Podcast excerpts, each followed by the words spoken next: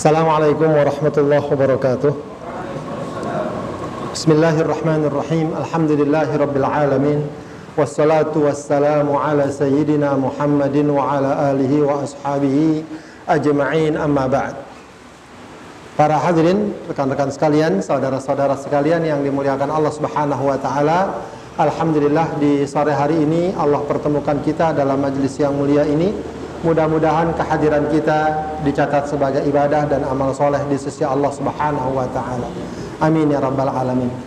Uh, para hadirin yang dimuliakan Allah Subhanahu wa taala, langsung saja kita akan membahas satu uh, tema yang uh, cukup penting ya, menarik juga untuk kita pahami ya dan insya Allah juga mungkin kita sudah pernah mendapatinya ya, bahkan bisa jadi juga kita mengalami dan melaksanakannya. Akan tapi tentu uh, penyegaran demi penyegaran sangat kita butuhkan dalam berbagai macam aktivitas kita. Ya, tema yang akan kita bahas adalah tentang fikhud dakwah.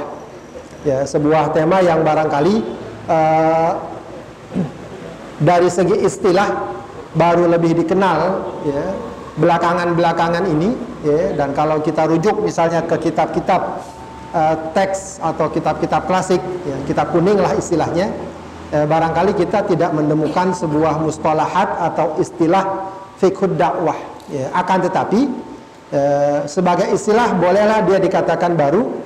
Akan tapi dari segi pengamalan eh, dari segi eh, praktek dan pelaksanaan di lapangan eh, tentu saja ini sebuah perkara yang eh, sangat real ya dalam arti bahkan di masa Rasulullah Sallallahu Alaihi Wasallam pun jika kita amati fikih dakwah ini sangat sangat penting.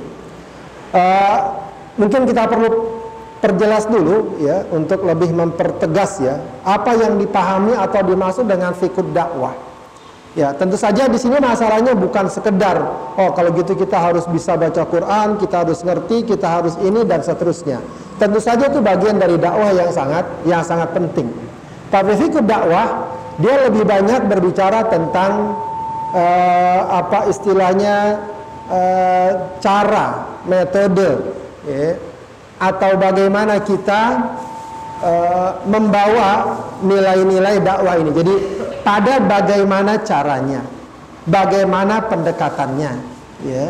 Ibarat uh, kita uh, apa namanya uh, kedatangan seorang tamu ya, maka selayaknya kita hidangkan makanan yang layak. Ya, akan tapi bukan cuma masalah makanannya yang penting.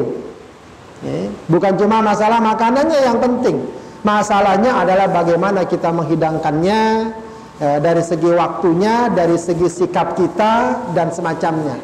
Nah itu yang nanti akan uh, banyak uh, diperbincangkan dalam fikih dakwah ya. Atau kalaulah misalnya kita berbicara tentang masalahnya misalnya sepak bola ya. Permasalahannya bukan cuma sekedar bagaimana kita bisa menendang dengan keras bagaimana kita bisa membawa bola dengan baik ya, bukan cuma itu saja. Masalahnya bisa jadi uh, dari segi strateginya bagaimana kondisi lawan dan seterusnya ya. Nah ini yang tentu saja juga sangat penting uh, untuk kita untuk kita pahami.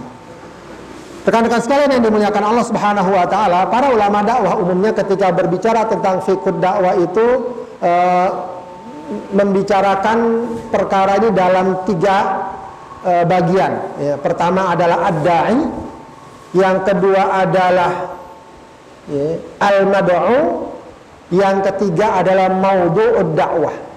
Ya. Jadi e, biasanya ruang lingkupnya berbicara tentang ketiga aspek ini. E, pertama dari sisi da'inya, ya. Yang kedua dari sisi apa namanya e, mad'unya, bagaimana kita memahaminya, dan yang ketiga adalah dari sisi maudhu'ud dakwah. Ya. E, tema, ya. Jadi subjeknya dai, kemudian objeknya mad'un orang yang didakwahi dan yang ketiga adalah dari segi maudhu'ud dakwah tema tema dakwah di sini kurang lebih kita e, dituntut untuk melaksa, memahami mengamalkan dan melaksanakan fikhud fikhud dakwah. Ya. Baik, kita ambil beberapa contoh untuk menggambarkan bagaimana Rasulullah Wasallam melaksanakan fikhud dakwah. Jadi eh, fikhud dakwah ini uh, bukan sekedar kita uh, berbicara tentang halal haram, bukan sekedar kita berbicara tentang ini wajib, ini haram, ini harus kita laksanakan, ini harus kita tinggalkan. Ya. Bukan cuma itu permasalahannya, ya, tapi bagaimana kita mensikapi berbagai macam situasi dan kondisi yang boleh jadi berbeda, yang boleh jadi menuntut adanya pendekatan yang berbeda. Ya, mungkin uh, kasus atau beberapa contoh sudah sering kita dengar, di antaranya sebuah riwayat seorang sahabat datang kepada Rasulullah Sallallahu Alaihi Wasallam. Ya. Lalu dia mengatakan, ya Rasulullah izinkan saya berzina. Bayangkan, pada Rasulullah bisa berbicara seperti itu. Ya, kalau kita bilang sih kurang adab. Ya, kalau kita mungkin dengar kayak gitu marah. Ada seorang datang ke kiai, Pak Kiai saya pengen berzina. Gitu. Tapi Rasulullah Sallallahu Alaihi Wasallam ya bisa jadi dengan berbagai macam ragam ya, alasan dan latar belakang ya, dia kemudian tidak mengatakan bahwa zina itu haram, zina itu ini dan lain sebagainya. Tapi dia mengatakan Eh, bagaimana perasaanmu kalau ibu kamu dizinahi orang? Ya, dia katakan saya tidak mungkin. Saya tidak mungkin bisa menerima kalau istri kamu dizinai orang, kalau anak perempuan kamu dizinai orang, kalau saudara perempuan kamu dizinai orang. Nah, kata Rasulullah, kalau kamu tidak suka, ya, orang lain pun juga pasti tidak bakal ridho dengan perbuatan yang kamu lakukan terhadap entah mungkin ibunya, entah mungkin anaknya, entah mungkin istrinya. Ya. Jadi ini sebuah pendekatan dari uh, apa yang Rasul dapatkan.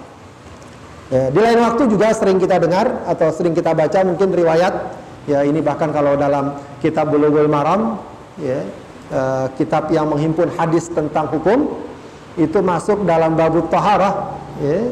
bab taharah bab bersuci bersuci dari najis yaitu ketika Rasulullah datang eh, duduk bersama para sahabat tiba-tiba ada seorang badui kencing di pojok masjid ya. lalu para sahabat langsung menghardik dan memarahinya kata Rasulullah biarkan dia biarkan dia sampai dia tuntas kencingnya ya.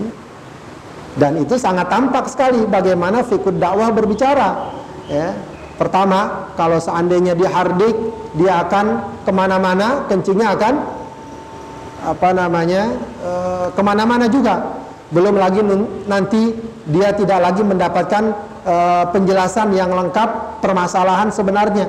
Ya bisa jadi orang itu memang tidak tahu apa-apa. Ya maka kemudian setelah dia selesai kencing ya, Rasulullah pun nggak langsung ngomongin gini-gini tidak? Minta ambilkan para sahabat air ya selesaikan dulu masalahnya tuangkan air di atas tanah tadi. Ya masa Rasulullah masjid itu masih berupa tanah. Ya maka dituangkan air tadi ya, udah selesai itu baru dia ngomong sama Badui tadi. Ini masjid tempat sholat dan zikrullah. Tidak layak kamu kencing di atasnya dan seterusnya. Ketika itu Badui tadi baru sadar ya, bahwa perbuatannya salah. Tapi bukan cuma itu yang dia sadari. Yang dia sadari juga bagaimana perlakuan Rasulullah dibanding para sahabat yang lain. Bagaimana Rasulullah betul-betul ya pas benar ya mensikapi dan menempatkan permasalahan ini berbanding dengan tadi sahabat yang langsung marah dan menghardik. Maka akhirnya dia berdoa kepada Allah, ya, ini doanya yang unik. Apa dia katakan? Allahumma arhamni wa Muhammadan wa la tarhamna ma'ana ahada. Ya. ya Allah, sayangi aku dan Muhammad saja. Yang lain jangan disayangi. Ya. Sebuah gambaran uh, ungkapan yang sangat spontan dari seorang badui melihat bagaimana perlakuan Rasulullah uh, dengan terhadap dirinya. Itu sebuah contoh saja. Nanti banyak uh, apa namanya gambaran-gambaran tentang fikih dakwah yang uh, penting untuk kita pahami. Baik, kita coba mulai dari masalah abdai. Ya, tentu ini banyak sekali pembahasannya ya. Saya hanya ingin berbicara pada tiga hal. Ya, pada tiga hal. Pertama masalah kejiwaan, yang kedua pada masalah wawasan, ketiga pada masalah tampilan. Ya, pada masalah tampilan. Masalah lain saya yakin banyak. Ya, tapi tiga hal ini cukup mendasar. Ya. Kejiwaan, ya, fikud dakwah menuntut kita untuk punya kejiwaan yang sehat, ya, kejiwaan yang bersih, kejiwaan yang tenang, dan yang cukup mendasar adalah kejiwaan dalam hal kesadaran kita untuk berdakwah. Itu yang menurut saya paling mendasar sebenarnya. Ya. Bahwa dakwah bagi seorang muslim ya, itu bukan lagi merupakan alternatif, bukan lagi merupakan pilihan, bukan lagi merupakan opsi, ya, tapi dia perkara yang menyatu dengan keimanan kita. Artinya apa? Orang kalau memang ingin dikatakan beriman dengan benar, bertakwa dengan benar, konsekuensi logisnya adalah berdakwah. Tidak ada kata tidak. Ini. Coba lihat urutan uh, surat Ali Imran 102 yang ayat yang sangat kita kenal ya ayyuhalladzina amanu taqullaha haqqa tuqatih wa la tamutunna illa wa antum perintah untuk beriman dan bertakwa dengan sebenarnya ayat berikutnya apa apa yang berikutnya? Wa atasimu bihablillahi jami'an wala tafarraqu. Wadhkuru id an id kuntum a'daan fa'alafa baina qulub fa asbahtum bi ni'mati ikhwana. Ayat berikutnya adalah berpegang teguh dengan agama Allah. Jangan bercerai-berai. Ayat berikutnya lagi apa? Wal takum minkum ummatun yad'una ilal khair itu tidak berdiri sendiri pastinya. Ya. Perintah Allah untuk beriman dengan benar, bertakwa dengan benar diiringi dengan perintah untuk wal takum minkum ummatu yad'una ilal khair. Jadi kalau tiga ayat ini kita gabungkan maka iman, ukhuwah dan dakwah. Ya. Itu sesuatu yang sangat inherent sekali, sesuatu yang sangat menyatu ya, ente berbicara iman iman iman tapi ukhuwah bermasalah ya, harus dievaluasi. Berbicara tentang iman takwa ya, tapi berat berdakwah harus dievaluasi evaluasi. Bagi seorang muslim dakwah adalah ya, kesatuan yang tak dapat dipisahkan. Ya, maka sebagaimana kita sekarang merasakan betul bagaimana nikmatnya berdakwah, bagaimana nikmatnya ikut dalam berbagai macam agenda-agenda kajian-kajian, ya, selayaknya kita juga harus punya atau mendedikasikan diri kita. Apa yang bisa saya lakukan untuk dakwah? Ya. Kenapa tidak? Ya, kita bisa membina adik-adik kita, bisa membina lingkungan kita, panggil saja, ajak saja beberapa teman tetangga, ayo ngaji sama kita, sama-sama, ya, dan seterusnya. Ya, jadi kesadaran ini, kejiwaan ini yang sangat penting. Ya, inilah yang kalau kita perhatikan ya, salah satu karakteristik para sahabat radhiyallahu anhum.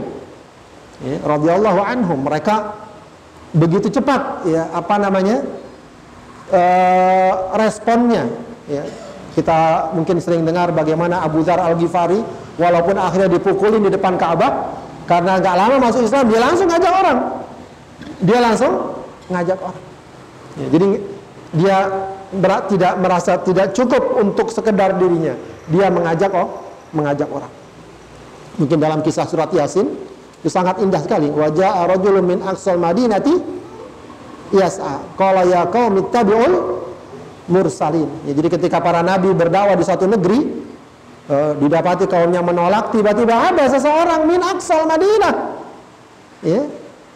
Nggak tahu apa dari dari ujung dari dari pojok negeri mungkin dia nggak dikenal dan semacamnya ya. tapi bukan cuma para nabi yang berdakwah dia pun ikut mengingatkan kaumnya untuk mengikuti para roh para rasul ya. ya. meskipun sampai akhirnya dia akhirnya terbunuh ya. akhirnya dia dibunuh oleh kaumnya sendiri namun ketika dia meninggal ya dikisahkan dalam namanya siapa itu dalam kisah surat yasin Antum baca kisah itu namanya Habib An-Najjar. Ya. Akhirnya dia mendapatkan kemuliaan di sisi Allah Subhanahu wa taala sampai dia katakan ya laita qaumi ya'lamun. Seandainya kaumku mengetahui tingginya kedudukan orang yang berdakwah di hadapan Allah Subhanahu wa taala. Ya, silakan antum baca itu, kisahnya cukup menarik. Baik, kejiwaan ini yang harus kita kuatkan dalam diri kita. Ya. Kejiwaan kita juga banyak ya, perkala kesabaran, ketabahan, optimisme. Wah itu Rasulullah itu sangat uh, apa namanya kuat sekali membangun optimisme itu bahwa dakwah ini seberat apa pun, sebesar apa pun tantangan dan rintangannya jangan sampai membuat orang pesimis. Jangan sampai membuat orang apalagi putus asa. Apalagi putus asa. Ya. Kita lihat mungkin sekarang tantangan dakwah begitu rupa. Ya. Jangan pernah kita mengatakan ah udahlah nggak ada harapan. Tidak. Justru sering kali didapati ya, dalam dunia dakwah itu ya, berbagai macam ujian dan kesulitan justru itu menjadi celah peluang dakwah yang baru. Ya, lihat Nabi Allah Yusuf alaihissalam di penjara, di penjara dia bisa berdakwah. Para ulama kita betapa banyak yang di penjara, di penjara dia melahirkan hal-hal yang sangat positif. Kita mungkin pernah dengar kisah uh, salah satu sebab tersebarnya Islam di Afrika Selatan. Salah satu sebabnya apa? Seorang ulama dari Makassar kalau tidak salah. Siapa namanya? Maulana Yusuf diasingkan oleh penjajah ke Afrika Selatan. Di sana dia berdakwah. Dan sampai sekarang asar atau bekas dakwahnya tampak dengan banyaknya kaum muslimin di sana. Begitulah kaum muslimin. Ya, jangan pernah kita melihat berbagai macam kesulitan dakwah itu sebagai penghalang. Itu kejiwaan-kejiwaan kayak gitu harus tumbuh. Ya, harus tumbuh, harus tumbuh. Ya, pada masa Rasulullah para sahabat datang minta minta tolong, minta agar Rasulullah berdoakan agar segera diberikan pertolongan. Ya, Rasulullah kasih ya, umat sebelum kalian ada yang dibunuh, ada yang dibakar, ada yang disuruh menggali kuburannya sendiri. Ya, tapi Rasulullah gambarkan nanti satu saat akan terjadi ya, kemenangan dakwah digambarkan sampai uh, rombongan perjalanan itu uh, merasa tenang, merasa aman dari Hadramaut ke uh, San'a, dari San'a ke Hadram ke Hadramaut. Nah, kejiwaan ini eh, itu sangat penting dalam berdak dalam berdakwah. Maka rekan-rekan sekalian, eh, betapa banyak ya, orang yang mungkin ya, dalam kehidupan dia bukanlah mungkin lulusan pesantren, dia bukanlah mungkin lulusan dari sekolah-sekolah yang dikenal berlatar belakang eh, Islam dan seterusnya, tapi dia memiliki semangat dakwah. Maka akan kita dapati kerja dakwahnya lebih real, lebih tampak dan lebih terlihat. Ya, sementara tidak sedikit, ya, bukan berarti banyak atau semuanya, tidak sedikit orang sudahlah dia punya ilmu syariat, dia sudah juga mungkin uh, bagian dari komunitas besar dalam sebuah apa namanya komunitas kaum muslimin, namun kejiwaannya sangat kering dan lemah dalam dalam dakwah. Ya, bahkan kadang-kadang dalam tanda kutip malah ya, dalam tanda kutip ya ngerecokin dakwah itu terjadi. Ya, karena itu penting bagi seorang muslim ya, dalam dakwah ini kejiwaan ya, yang sehat tentu saja uh, dengan keimanannya, dengan ketakwaannya, ya, dengan kesabarannya, ya, dengan optimismenya tadi. Ya, lihat bagaimana Rasulullah Sallallahu Alaihi Wasallam ya ketika beliau ditawari oleh malaikat ya ketika menghadapi kaumnya yang begitu rupa ya yang begitu rupa ya udahlah ya Rasulullah kalau kamu mau aku akan timpakan gunung ini ke tengah penduduk ya, ke tengah umatmu yang membangkang ya. apa kata Rasulullah sallallahu alaihi wasallam ya uh, wallahi inni la arjullaha wallahi inni la arjullaha ya, apa namanya ya, demi Allah ya aku mohon kepada Allah aku berharap kepada Allah ya, keluar dari anak keturunan mereka orang-orang yang beriman kepada Allah Subhanahu wa taala. Ya, jadi uh, itu kejiwaan yang sangat tinggi. Suatu kali juga ada uh, sahabat dari suku Daus, eh, dari suku Daus. Jadi ada beberapa, dua orang sahabat masuk Islam dari suku Daus. Gak lama kemudian masuk Islam, dia pulang ke kampungnya. Dia sampaikan ajaran Islam, bawa Islam. Ditolak oleh kabilahnya. Datang sama Rasulullah, ya Rasulullah, udah kalau gitu doakan saja. Ya, doakan saja suku Daus itu agar mereka ditimpa bencana dan adab. Maka Rasulullah mendoakannya, tapi apa doa Rasulullah? Allahumma hdi dausan. Ya Allah, berilah hidayah kepada suku Daus. Dan ternyata jawaban dari doa Rasul itu baru datang kapan? Ya, di akhir kehidupan Rasulullah Sallallahu Alaihi Wasallam, ya, khususnya pada tahun terjadinya perang Khaybar. Ya, sekitar tahun 7 atau 8 Hijriah. Mereka baru datang kepada Rasulullah dan menyatakan masuk Islam. Di antara yang terkenal dari suku Daus siapa? Siapa yang tahu? Siapa yang baru masuk Islam saat terjadi perang Khaybar atau di tahun terjadi perang Khaybar? Ah? Masya Allah. Ya, yaitu Abu Hurairah. Lihat bagaimana uh, seorang dai itu memang harus punya nafas panjang, kejiwaan yang kuat. Ya, kalau orang sekarang jangan gampang baper, jangan gampang putus asa, ya, jangan gampang ngambek, ya, dan lain sebagainya. Berbagai macam tantangan yang kita hadapi pasti terjadi, tapi pastikan di balik itu semua Allah pun akan memberikan kita berbagai macam kebaikan yang jauh lebih besar daripada apa yang kita alami dan ujian yang uh, kita hadapi. Baik, uh, itu dari segi kejiwaan.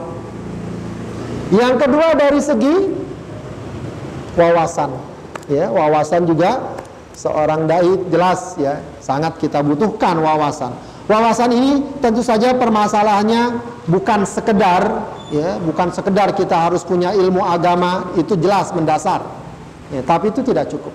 Ya, wawasan artinya kita juga harus memiliki apa namanya uh, uh, pandangan yang luas.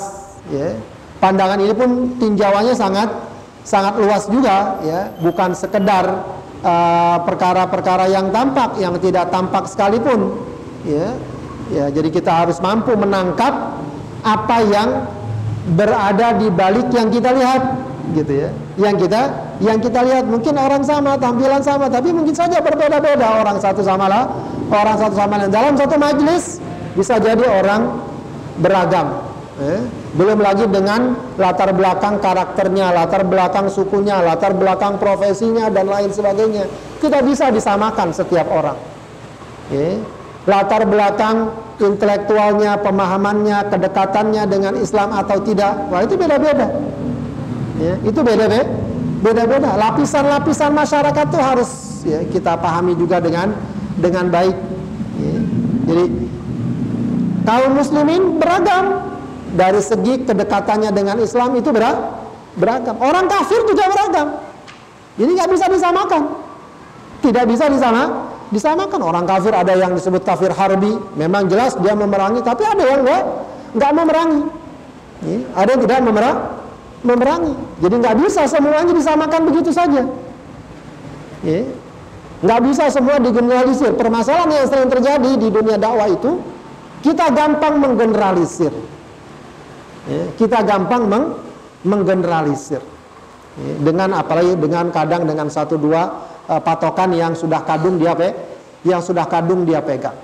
Ya. Kadang kita suka kaget juga, oh kok oh, ini kok dekat sama orang ini kan dia non muslim dan seterusnya begitu ya gampang kadang memberikan judgment, ponis dan lain sebagainya ya. ya itu memang sangat tampak kalau kita baca sejarah kaum khawarij. Ya, kaum khawarij itu begitu dia. Kalau ngambil sikap lurus aja. Ya, apa namanya? Hitam putih dikotomis. Ya, kata mereka Ali bin Abi Thalib itu kafir. Kenapa? Karena ketika Muawiyah bin Abi Sufyan minta, saya nggak mau. Kalau berunding dengan kamu, kamu masih memposisikan sebagai Amirul Mukminin. yang kan dibuat perundingan. Ya posisi Ali bin, Ali bin Abi Thalib sebagai Amirul Mukminin ketika itu. Kata Muawiyah nggak mau kalau berunding. Bukan Amirul Mukminin. Kalau Amirul Mukminin kami nggak boleh ngelawan kata Muawiyah.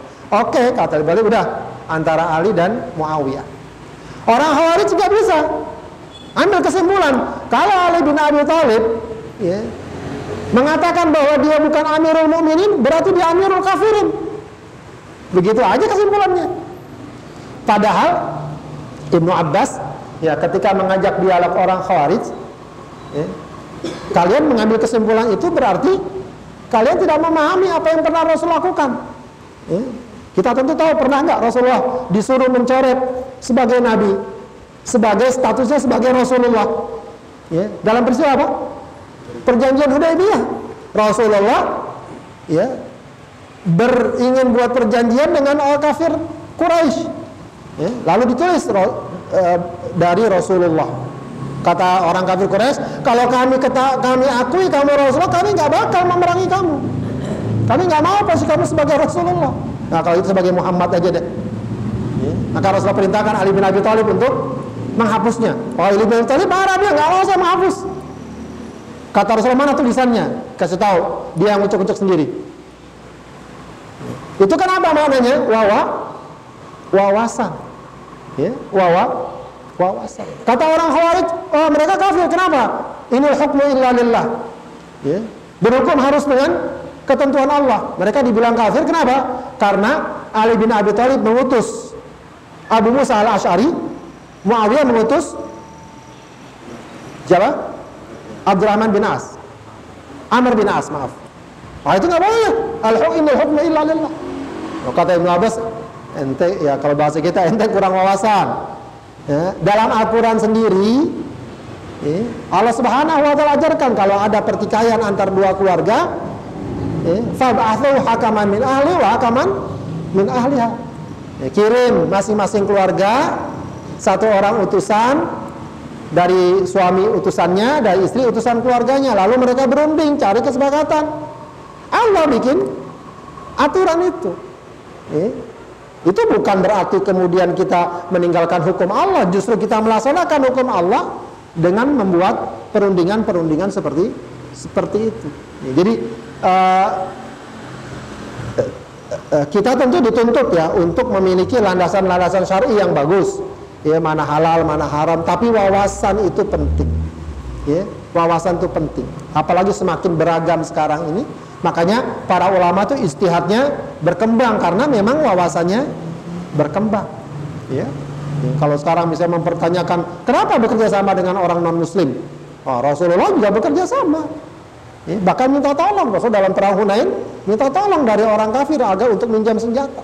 Selagi tidak melemahkan, tidak merendahkan dan lain sebagainya dan banyak ya, wawasan-wawasan kayak gitu harus kita kita pahami ya, dengan baik. Belum wawasan uh, budaya ya, setempat dan lain sebagainya yang juga harus kita lihat ya kondisi apa namanya lingkungan dan seterusnya yang juga harus kita yang harus kita perhatikan ya.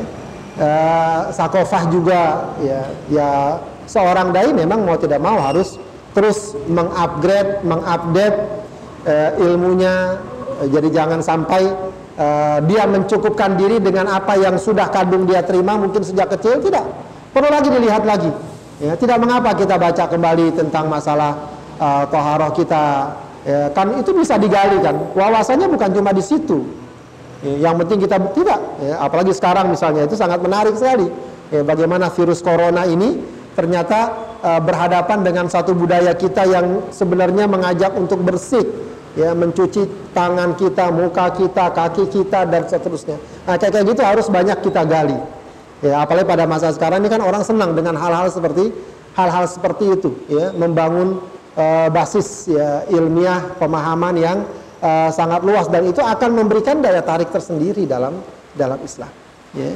Rasulullah ketika berdakwah uh, atau ketika berdakwah ke Taif ya, kita tahu uh, apa namanya e, dia ditimpuk segala macam lalu dia istirahat di sebuah perkebunan kurma ya. lalu ada orang yang mendekati budak dari pemilik kurma tersebut kebun tersebut namanya Adas ya Eh, lagi ngobrol-ngobrol Rasul tanya, "Kamu dari mana?"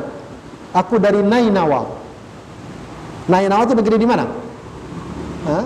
Negeri di Irak. Dan itu adalah negeri tempat uh, kelahirannya seorang Nabiullah namanya Yunus bin Matta. Oh, kata Rasulullah, itu tempat kelahiran saudara saya Yunus bin Matta. Uh, dia telah tersentak. Wah, oh, kamu tahu dan kamu kenal. Iya, itu adalah Nabi Allah. Ya, maka diriwayatkan Adas ini uh, entah bagaimana hakikatnya, uh, diriwayatkan dia tertarik sama Rasulullah karena Rasulullah punya wawasan sedemikian rupa. Nah, itu kita penting juga tuh, ya. Kalau ketemu orang, dia ngomong masalah, oh saya saya kemarin uh, ketemu waktu ada acara tertentu uh, seorang jamaah ternyata sambil ngobrol sambil nunggu pengajian kerja di mana pak? Oh saya di ini pak perusahaan minyak dan gas. Ya. Akhirnya banyak kita ngobrol tentang masalah perminyakan dan lain sebagainya, beberapa perkembangan terakhir dan seterusnya. Ya, eh, sama apa namanya teman sebelahnya, oh, Ustadz banyak nanya soal itu ya. Eh, karena anak saya juga salah satu jurusannya di sana, jadi sedikit banyak saya tahu. Ya, jadi wawasan itu penting, ya, maka penting bagi kita untuk selalu menambah wawasan, baik yang sifatnya ilmiah, yang sifatnya kejiwaan juga tadi, latar belakang. Sekarang juga banyak sekali kaum muslimin dengan ragam uh, masalahnya dan seterusnya. Ya. Baik, kemudian uh, berikutnya tampilan ya tampilan di sini tentu bukan berarti kita harus demikian rupa tidak bagaimanapun juga ya kita harus ya, menempatkan diri dengan pas dengan baik ya jangan sampai seseorang uh, apa istilahnya uh, berdakwah namun tidak meyakinkan. Ya tampilan bukan cuma sekedar ya maaf ya bukan sekedar kita pakaian kita tampilan kita dari berbicara kita ya dari mimik kita yang kayak kayak gitu sederhana sebenarnya. Ya, sederhana, sederhana. Ya. Jangan sampai orang kadang-kadang dari mimik wajahnya tampilannya udah nggak mengasihkan. Begitu ya, udah nggak mengasihkan. Nggak enak diajak ngobrol, nggak enak diajak ini dan seterusnya. Nggak akrab. Ya. Kata Rasulullah, al-mu'min ya'laf wa yu'laf. Wala khaira fi man la ya'laf wa yu'laf. Ya. Mukmin itu orangnya akrab. Akrab. Dan mau diakrabi. Uh, sederhananya dia gampang negur orang dan gampang respon kalau ditegur. Gitu. Itu aja sederhananya. Ya. ada orang nanya gimana kita respon ya. Dengan apa yang positif ya. Jadi jangan sampai ini repot sekarangnya kita jawab sambil melihat HP baik. Ya, saya kerja di sini. Ya. Itu aja sebenarnya sudah ya, bermasalah meskipun kadang-kadang secara nggak sadar saya mungkin secara pribadi juga kadang-kadang suka menghadapi uh, hal seperti atau melakukan hal seperti itu. Nah, itu patut kita evaluasi. Ya, jadi usahakan bagaimana kita uh, punya tampilan yang yang baik, ya, uh, sikap yang baik. Ya, tadi juga terkait dengan wawasan tadi. Ya, saya pernah hadir satu pertemuan, ya, suatu pertemuan uh, mungkin jadi pembelajaran ya. Ternyata di pertemuan tersebut ya ada orang-orang besar lah, ada pejabat-pejabat penting dan seterusnya. Ya karena kita mungkin biasanya begitu aja datang pakai pakaian biasa kemudian pakai baju koko pakai sendal seadanya sementara yang hadir pakai jas pakai dasi segala macam. Nah kayak kayak gini juga harusnya kita perhatikan. Ya. itu bukan perkara yang oh memang harus gitu banget dakwah ya, iya Rasulullah itu ya punya pakaian khusus untuk menyambut tamu. Ya untuk hari-hari besar ya hari Id maksudnya. Dia punya pakaian khusus. Ya, enggak bukan berarti kemudian akhirnya e, lusuh atau seadanya, tidak. Ya. Ya, jadi tampilan ya, mazhar lah kalau bahasa kita mazhar ini penting dalam dakwah. Ya, dan ini nanti bisa akan luas lagi masalahnya, bukan cuma sekadar tampilan kita pribadi. Ya, tampilan-tampilan mungkin apa istilahnya kalau kita punya program ya antum mungkin punya program tadi apa bina adab insan. Nah itu kadang orang melihat tampilannya juga ini meyakinkan nggak proposalnya meyakinkan nggak begitu ya. Dari segi penulisannya dari segi apa yang kayak kayak gitu. Nah, kalau sekarang juga mungkin istilahnya profesionalisme dan lain sebagainya ya, eh, betapa banyak uh, kebatilan yang dikemas dengan profesional ya, jelas sangat menarik ketimbang al-haq namun tidak profesional tampilannya tidak menarik dan lain sebagai dan lain sebagainya. Jadi seorang dai juga hendaknya memperhatikan tampilan-tampilannya. Ya kalau bahasa kita sekarang casingnya. Meskipun memang jangan sampai kita terjebak pada perkara-perkara yang sifatnya serba seremonial serba artifisial. Namun uh, jauh dari makna. Itu juga tidak kita inginkan ya tidak kita inginkan. Oh tampilannya luar biasa pakai sorban pakai jas segala macam. Ternyata ketika ngomong ya entah nggak jelas. Atau kadang-kadang mengandung perkara-perkara yang kontroversial dan lain sebagai dan lain sebagainya. Ya jadi uh, ini ya, pertama ikhwatillah dari sisi apa istilahnya uh, ad-da'inya. Ya, saya uh, batasi tiga perkara itu saja ya. Hendaknya ini semua digali lagi ya, kita uh, upgrade lagi kita segarkan lagi kemudian yang kedua dari segi al mad'u ya tadi mungkin sebagian udah kita bicarakan ya al mad'u orang yang didakwahi ya, orang yang didakwah ya. Ya, kalau Rasulullah SAW itu para ulama membagi umat Rasulullah menjadi dua. Pertama apa? Ummatud dakwah. Dan yang kedua adalah ummatul istijabah. Jadi ummatud dakwah. Ummatud dakwah ini lebih luas. Artinya apa? Ya tentu saja sebagaimana misi dakwah Rasulullah rahmatan lil alamin dan ini menjadi keistimewaan Rasulullah dibanding nabi-nabi sebelumnya kata Rasulullah apa namanya e, para nabi sebelumnya itu berdakwah untuk sukunya dan aku berdakwah untuk seluruh manusia. Maka siapa pun manusia itu adalah objek dak dakwah. Nah ini yang harus kita menjadi catatan kita.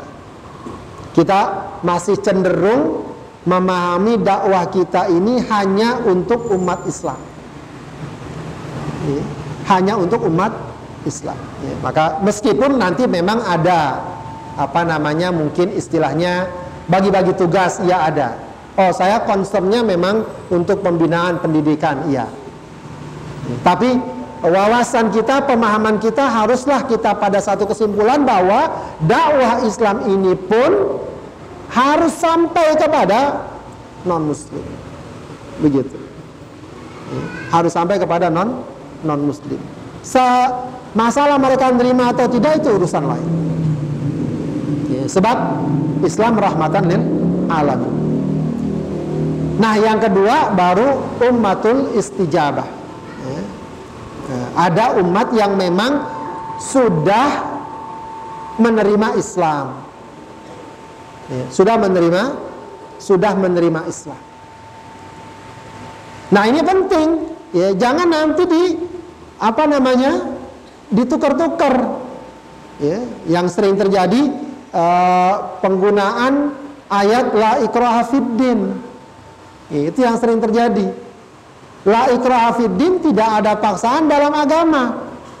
Ayat ini bu, bukan buat ummatul istijabah. Ya, tapi umatul dakwah secara keseluruhan. Bahwa Islam itu nggak boleh dipaksakan tapi tuntutan untuk menyampaikan iya. Nggak bisa orang dipaksa harus masuk Islam tidak. Tapi harus disampaikan. Ya, la ikrafiddin itu untuk orang-orang yang memang belum masuk Islam. Mereka nggak boleh dipaksa. Ya. Maka tidak benar atau tidak tepat mengartikan ayat ini kepada umat Islam. Umat Islam harus diarahkan dan dipahamkan seketika mereka masuk Islam, mereka dituntut untuk punya komitmen ya, melaksanakan apa yang seharusnya dilaksanakan, meninggalkan apa yang seharusnya ditinggalkan. Ya. Apa yang seharusnya ditinggal, ditinggalkan. Itu secara garis besar ya uh, ketika kita berbicara tentang apa namanya al-mad'un atau al-mad'uin, orang-orang yang didakwahi. Ya. Kemudian perkara berikutnya yang penting juga kita pahami bahwa sebagaimana para nabi dan para rasul diperintahkan oleh Allah Subhanahu wa taala ya apa namanya wa ma alaika illal balagh wa ma taufiqi illa billah. Ya tugas kamu tak lain menyampai menyampaikan. Taufik tak lain hanyalah dari Allah Subhanahu wa taala. Ya tugas kita hanyalah menyampaikan ya Artinya apa? Terhadap mad'u ya, perkara mereka menerima atau tidak ya, itu sudah bukan wilayah kita. Wilayah tugas kita adalah kita menyampaikan. Ya, maka ada satu ungkapan yang cukup menarik. Anda tidak dituntut ya, agar orang lain meyakini apa yang Anda sampaikan. Kita nggak dituntut itu. Bayangkan, jangankan kita, sekelas Nabi pun tidak lantas orang yang dia sampaikan meyakini apa yang Nabi sampaikan, bahkan langsung ditolak. Rasulullah SAW ketika pertama kali berdakwah di Jabal Abi Kubais, mengumpulkan sanak saudaranya termasuk Abu Lahab, ya, pertama disampaikan, kalian percaya nggak kalau aku kasih tahu di balik gunung ini akan ada pasukan yang menyerang.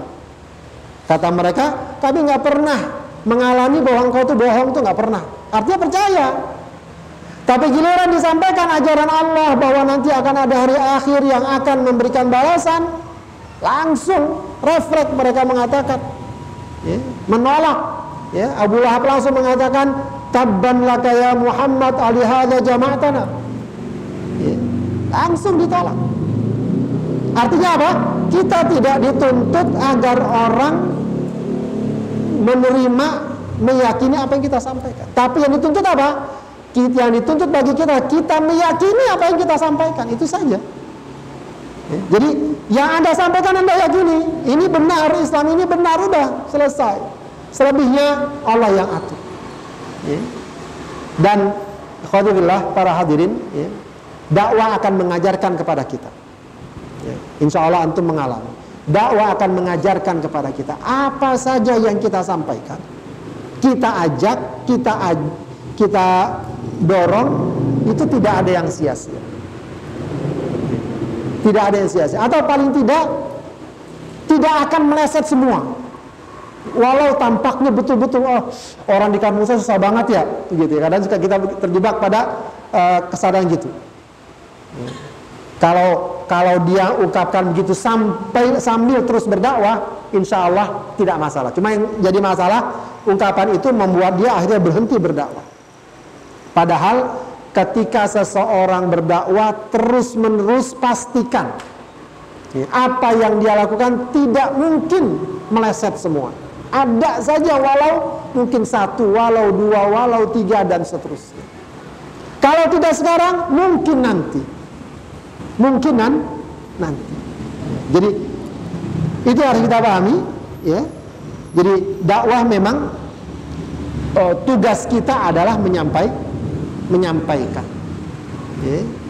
Perkara mereka menerima atau tidak, ya, itu bagian dari taufik dari Allah Subhanahu wa taala. Itu yang namanya hidayatut taufik.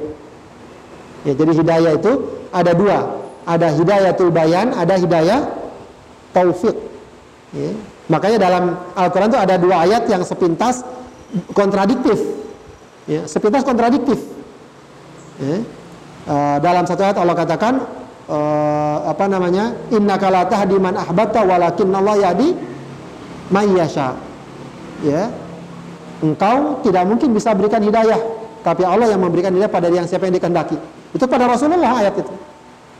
Ya. Tapi di ayat yang lain Allah katakan Wa innaka latahdi ila siratim mustaqim. Engkau sungguh orang yang bisa memberikan hidayah ke jalan yang lurus. Di satu ayat Allah katakan nafikan hidayah bagi Rasulullah. Di ayat yang lain justru Allah tegaskan Rasulullah pemberi hidayah. Nah, uh, kedua ayat ini dapat kita pahami dengan konteks tadi. Allah menafikan hidayah bagi Rasulullah, hidayahnya hidayah taufik. Artinya apa? Soal taufik, soal orang terima atau tidak itu bukan wewenang Rasulullah. Itu wewenang Allah Subhanahu wa taala. Tugas kita menyampaikan. Nah, menyampaikan itu hidayatul bayan namanya. Beri petunjuk, beri arahan, beri penjelasan mana yang benar, mana yang tidak, mana yang halal, mana yang haram, mana yang baik, mana yang buruk. Nah, itu hidayatul bayan. Ya. Nah, eh, kita harus memahami masalah ini. Nah, juga nanti terkait dengan mad'u ya, objek dakwah tentu kita tahu level-levelnya ya eh, bagaimana dengan eh, tadi ya dengan non muslim juga harus menjadi objek dakwah objek dakwah dalam kaum muslim sendiri luar biasa banyak sekali level-levelnya yang jelas tidak boleh ada yang luput dari dakwah kita. Ya. dari level anak-anak sekalipun ya, jangan diremehkan itu dakwah terhadap anak-anak. Jadi uh, maka jangan pernah kita merasa apa namanya kalaulah misalnya akhirnya dakwah kita membuat kita banyak berinteraksi dengan anak-anak ngajarin mereka itu jangan dianggap remeh. Ya, anak itu bisa al-fatihah oleh kita sepanjang hidupnya dia baca al-fatihah sepanjang itu insya Allah kita dapat kebaikan dari apa yang kita ajarkan ya, jangan dianggap remeh ya, seorang anak bisa beruduk gara-gara kita kita ajarkan dia beruduk dengan baik Wah itu luar biasa. Jadi jangan pernah orang merasa ya dakwah kita nggak level atau nggak apa gitu. Dakwah di pedalaman, di perkampungan orang-orang tua dan lain sebagainya. Mereka adalah objek objek dakwah kita. Nah, cuma memang di sini patut dipertimbangkan ya. Nah, kalau kita sadar oh ini makanya penting orang kalau berdakwah lihat ya berbicara dengan siapakah dia, segmennya apa, audiennya siapa.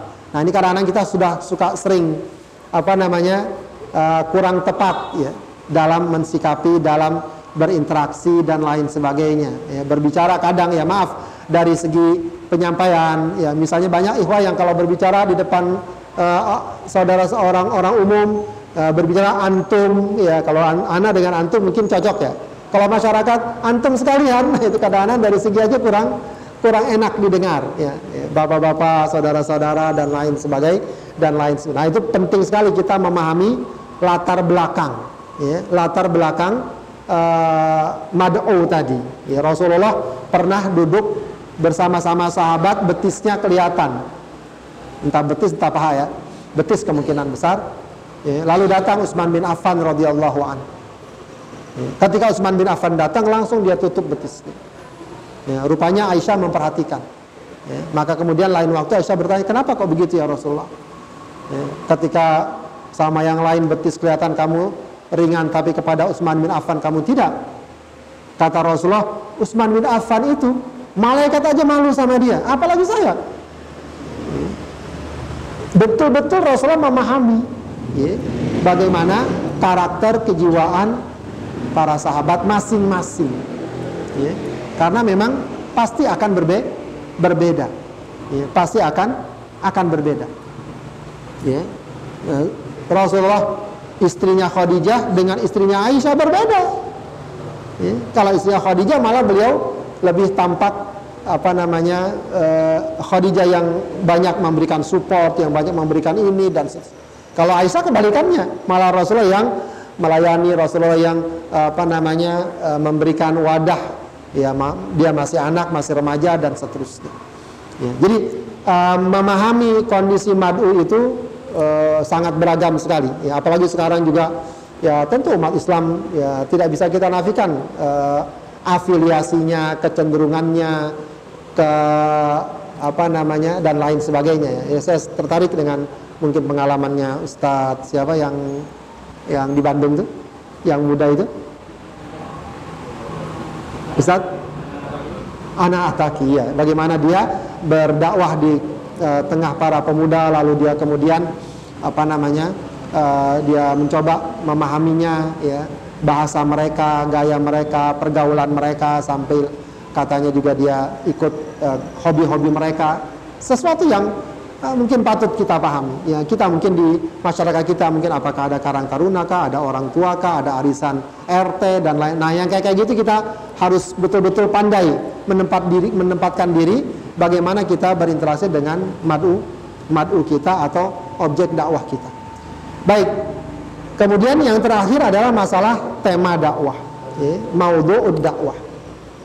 Ya, tema dakwah.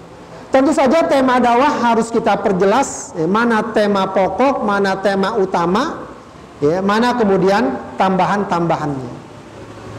Ya, ini yang harus kita pahami dengan baik. Ya.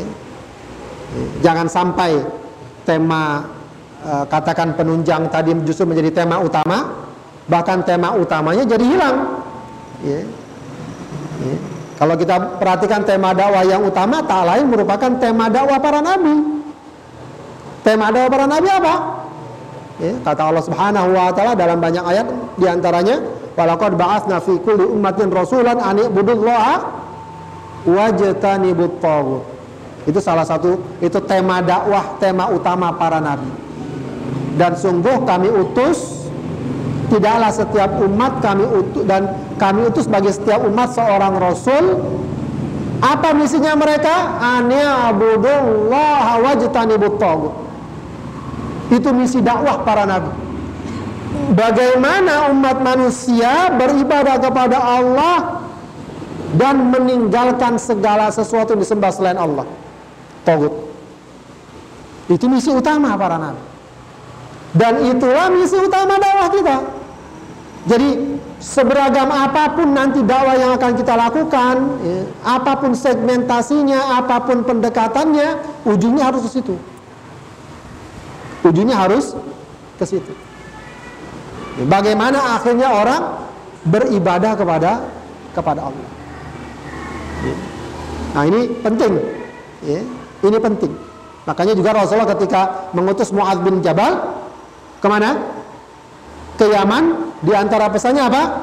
Faltakun awwala ma tad'uhum la ilaha illallah. Jadikan dakwah pertama yang kamu sampaikan adalah la ilaha illallah. Kalau mereka terima, baru ajarkan sholat. Kalau mereka terima, baru ajarkan zakat dan seterusnya. Ya. Jadi harus lihat dulu ya tema dakwah kita ini secara garis besar. Sebab kalau ini kehilangan itu bahaya sekali. Sebab orang ke sana kemari nanti berdakwah kehilangan titik pangkalnya itu justru akan justru malah e, bisa jadi melahirkan dakwah yang bertentangan dengan misi utama tadi. Ya. Alih-alih dia diajak untuk semakin taat malah semakin jauh. Ya malah semakin menghindar malah justru malah semakin tidak akrab dengan Islam dan seterus dan seterusnya ya intinya adalah ya, kalau dari segi tema ya tentu saja harus punya priori prioritas ya, meskipun nanti ini akan banyak debatable ya pendekatan pendekatan pendekatan pendekatannya ya. kemudian uh, kita juga harus memperhatikan ya mana perkara usul pokok agama, mana perkara furu. Ini juga sering kali sangat penting dalam masalah agama. Mana usul, mana furu. Nanti akan erat kaitannya dengan masalah bagaimana kita mengelola perbedaan pendapat dan lain sebagai dan lain sebagainya. Jangan sampai orang terhadap masalah furu dijadikan seperti usul. Ya ini yang kadang sering terjadi. Ya. Ya, hadis Rasulullah yang sangat terkenal, alaikum bisunnati wa sunnatil khulafai rasyidin. Ya, kalian harus berpegang pada sunnahku. Apa maksudnya? Pada usul, pada pokok-pokok agama. Ya. Untuk masalah pokok agama kita harus strict memang, harus strict. Pokok agama apa? Perkara apa saja yang memang sudah jelas kedudukannya dalam Islam. Ya, karena ayatnya jelas, hadisnya jelas, kesepakatan para ulamanya jelas. Nah ini harus sudah yang kayak gini jangan lagi masukkan dalam bab uh, debat, diskusi atau mungkin bahkan sampai pada masalah ikhtilaf. Ya. Dan itu biasa sangat sedikit, cukup jelas. Oke lah, kalau masalah keimanan pada Allah jelas segala macam, termasuk perkara ibadah. Masalah sholat lima waktu sudah clear, ya. nggak perlu lagi ada perdebatan. Diskusi lagi apa kedudukan sholat lima waktu itu sudah nggak ada. Itu harus clear. Ya, harus clear. Bukan cuma masalah ini perintahkan, masalah diharamkan juga harus clear. Ya. masalah zina, masalah mencuri, masalah ya, itu udah clear. Jadi kalau ada orang mas sudah mulai mengungkit-ungkit ah, zina boleh segala, ya, tidak kita nggak menerima itu. Sudah, ya, jangan masukkan dia dalam wilayah perbincangan kita. Nah, berikutnya baru masalah-masalah furu. Furu bukan berarti kemudian kita sepelekan, tapi bahwa di sana mungkin ada perbedaan dan lain sebagainya, jangan dia jadikan sebagai perkara usul. Ya. Ketika melihat orang pertama kali dilihat jenggotnya, kemudian celananya. Pas dilihat, oh dia uh, ahlu sunnah. Oh dia bukan sunnah. Nah, itu perkara mencampur adukan perkara furu dengan usul menjadikan masalah furu sebagai usul. Lain hanya kalau kita tahu. Pas dari omong-omongannya dia nggak percaya dengan hari kiamat. Oke. Eh, ini bukan halus sunnah. Itu jelas. Jadi uh, dan secara garis besar, secara garis besar, ya, kaum muslimin di Indonesia bahkan di seluruh dunia mainstreamnya adalah muslim yang yang benar. Mainstreamnya. Keyakinan-keyakinan umumnya. Kecuali yang menyempal menyempal biasanya menyempal itu gampang sekali. Termudah ya, akan mudah mendapatkan penolakan dari kaum muslimin. Walaupun mungkin di satu sisi ada beberapa tempat mereka mendapatkan respon orang kalau sudah misalnya nggak percaya rukun iman atau nggak percaya hari kiamat atau mengakui ada nabi baru dengan serta merta akan mendapatkan penolakan dari kaum muslim. Ya. Meskipun kadang-kadang mereka masuk dengan cara-cara yang smooth, dengan cara-cara yang muter, yang melingkar. Nah ini memang butuh pendalaman pendala pendalaman. Tapi paling tidak tema dakwah tema dakwah seperti ini eh, harus kita akrab, ya. harus kita akrab. Tadi masalah tema utamanya, kemudian perkara usul, perkara furu, nanti baru kita harus juga memahami bagaimana kita mengelola perbedaan pendapat atau bagaimana kita menyampaikan eh, tema-tema uh, kita ya. Ya memang sangat kurang pantas misalnya orang dalam khutbah Jumat dalam momen-momen yang cukup uh, apa ya umum gitu ya kita berbicara tentang masalah-masalah yang sifatnya furu'iyah. Harusnya perkara-perkara usul yang harus dia kuatkan ya, kuatkan komitmen kaum muslimin terhadap Islam, kuatkan kedekatan kaum muslimin dengan Al-Quran dan Sunnah, ya, sampaikan bahaya-bahaya kemunkaran dan kemaksiatan secara umum. Ya. Adapun dalam majlis-majlis yang terbuka, yang umum berbicara tentang perkara-perkara yang sangat debatable, yaitu lebih lebih akan uh, apa dapat memancing hal-hal yang negatif ketimbang ketimbang positif. Ya. Baik, uh, ikhwatillah rahimakumullah uh, sudah cukup sore ya. Mungkin perdebatan atau perbincangan ini masih sangat panjang saya kira. Uh, dan masing-masing akan ada pembahasan-pembahasan detail tapi kurang lebih uh, fikud dakwah berbicara tentang ketiga hal tersebut. Itu saja barangkali yang dapat saya sampaikan. Mohon maaf atas segala kekurangan. Assalamualaikum warahmatullahi wabarakatuh.